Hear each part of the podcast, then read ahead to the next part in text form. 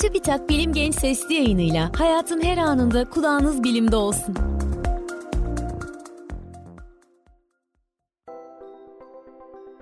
Uzaya ve bilime meraklı dostlar, merhaba. Ben Selçuk Topal. Yeni bir sesli yayınla karşınızdayım.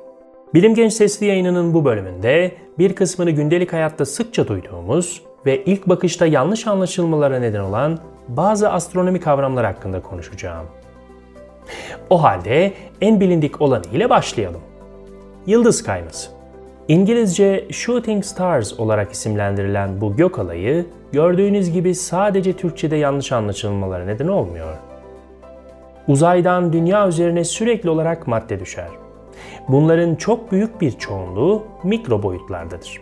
Hesaplamalara göre her sene ortalama 5200 ton mikrometeor dünyaya düşer. Uzaydan dünya atmosferine giren bu cisimlerin bulunduğu yere göre aldığı farklı isimlerden meteor yağmurları nasıl oluşur ve ne zaman gözlenir başlıklı sesli yayınımızda bahsetmiştim. Bu cisimlerden yeterince büyük olanlar atmosfere girdiğinde bir ışık izi bırakır. İşte bu nedenle bu olayın adı yıldız kayması olarak kalmıştır. Yani bu olay dünya atmosferinde gerçekleşir. En yakını trilyonlarca kilometre uzaklıkta olan yıldızlarla bir ilişkisi yoktur. Yıldız kaymasının yıldızlarla ilişkisi olmadığını anlamış olduk. Ancak yıldızların iki farklı hareketiyle ilgili bazı bilgiler vermem gerekiyor. Gece yıldızlara bakarken zaman ilerledikçe yıldızların doğudan batıya doğru hareket ettiğini fark etmiş olmalısınız. Bu yıldızların görünen hareketidir. Yani bu hareketin nedeni yıldızların gerçekten hareket ediyor olması değil, dünyanın batıdan doğuya doğru dönüyor olmasıdır. Ayrıca yıldızların kendine özgü bir hareketi de var. Ancak bu hareketi bir insanın hayat süresi içerisinde fark edemeyiz. Çünkü yıldızlar çok uzakta olduğu için bizim bakış açımızdan hareketleri çok yavaş olacaktır. Güneşe nispeten çok yakında bulunan birkaç yıldızın hareketi ise daha kısa zaman ölçeğinde gözlenebilir. Gezegenimsi bulutsu Bu isimlendirme sanki gezegene benzeyen bir bulut veya gezegenler nedeniyle oluşmuş bir bulut gibi bir anlam çıkarmamıza neden olabilir. Uzun yıllar önce günümüz teleskoplarından çok daha düşük görüntü kalitesine sahip teleskoplarla yapılan gözlemlerde bu oluşumlar rengarenk ve küresel bir şekilde görünüyorlardı. Bu nedenle gaz devi gezegenlere benzetildiler ve adları gezegenimsi bulut olarak kaldı. Gezegenimsi bulutsular yıldızların geride bıraktığı madde yığınlarıdır. Bir yıldız yaşlandıkça kütlesine bağlı olarak maddesini uzaya savurabilir. Yıldızların hayatını anlattığım sesli yayınımızda Güneş'in bir gün merkezinde beyaz cüce olan bir gezegenimsi bulutsuya dönüşeceğinden bahsetmiştim. Kuyruklu yıldız Bu cisimler kuyruğa sahip bir çeşit yıldız değildir. Etrafı buzlarla kaplı dev kaya parçalarına kuyruklu yıldız denir. Türk Dil Kurumu'na göre Türkçe karşılığı ise kirli kar topudur. Bu cisimler güneşe yaklaştıkça artan ısı nedeniyle üzerindeki buzlar erimeye ve arkada bir kuyruk oluşturmaya başlar. Kuyruklu yıldızların baş kısmı kuyruk kısmına göre daha parlaktır. Bu cisimleri ilk gözleyenler parlak bir baş kısmının arkasında uzanan parlak bir kuyruğa sahip oldukları için bu cisimleri kuyruklu yıldız olarak isimlendirmişler.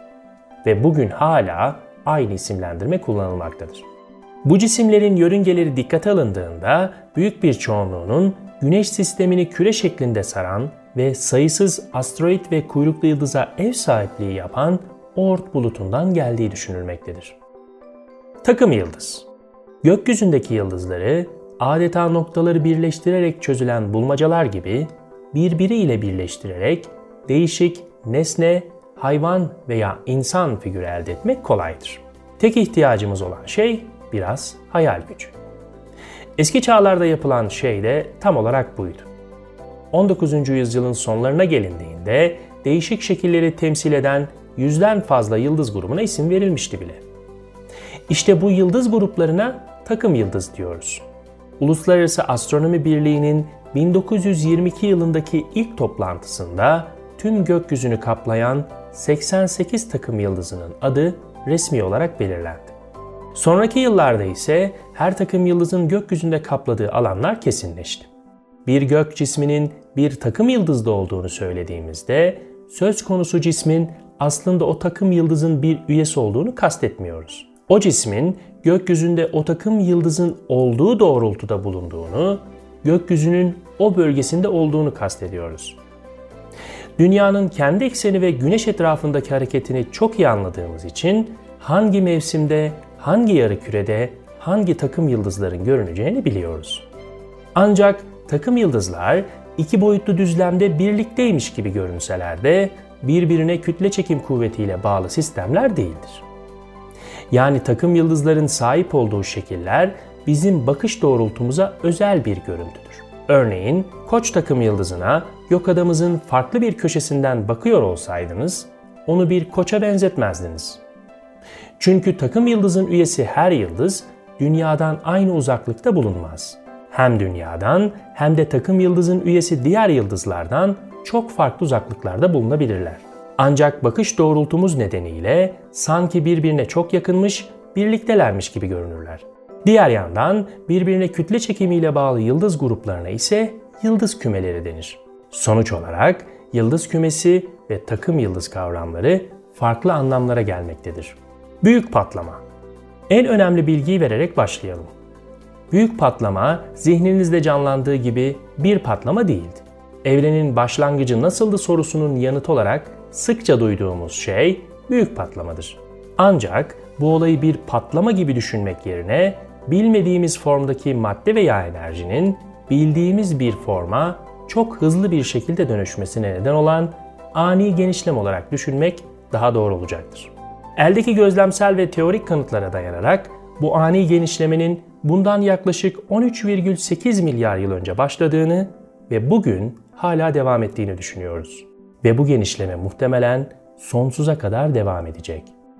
Şimdi ise dünya dışı yaşam araştırmalarında sıkça kullanılan başka bir astronomi kavramından bahsedeceğiz. Yaşanabilir bölge. Öte gezegen keşiflerinde sıklıkla duyduğumuz bu isimlendirmenin bizde uyandırdığı düşünce dünyaya benzer bir bölge olabilir. Ancak aslında hiç de öyle değil.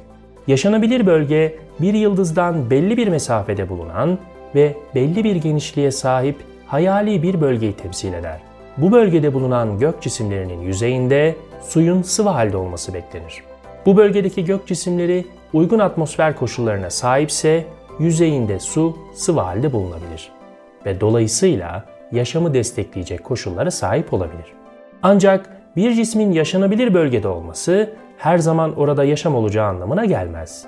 Çünkü yaşanabilir bölge içinde olup hiç yaşam barındırmayan gök cisimleri olduğu gibi yaşanabilir bölgenin dışında olup yaşam barındırma potansiyeli yüksek gök cisimleri de vardır.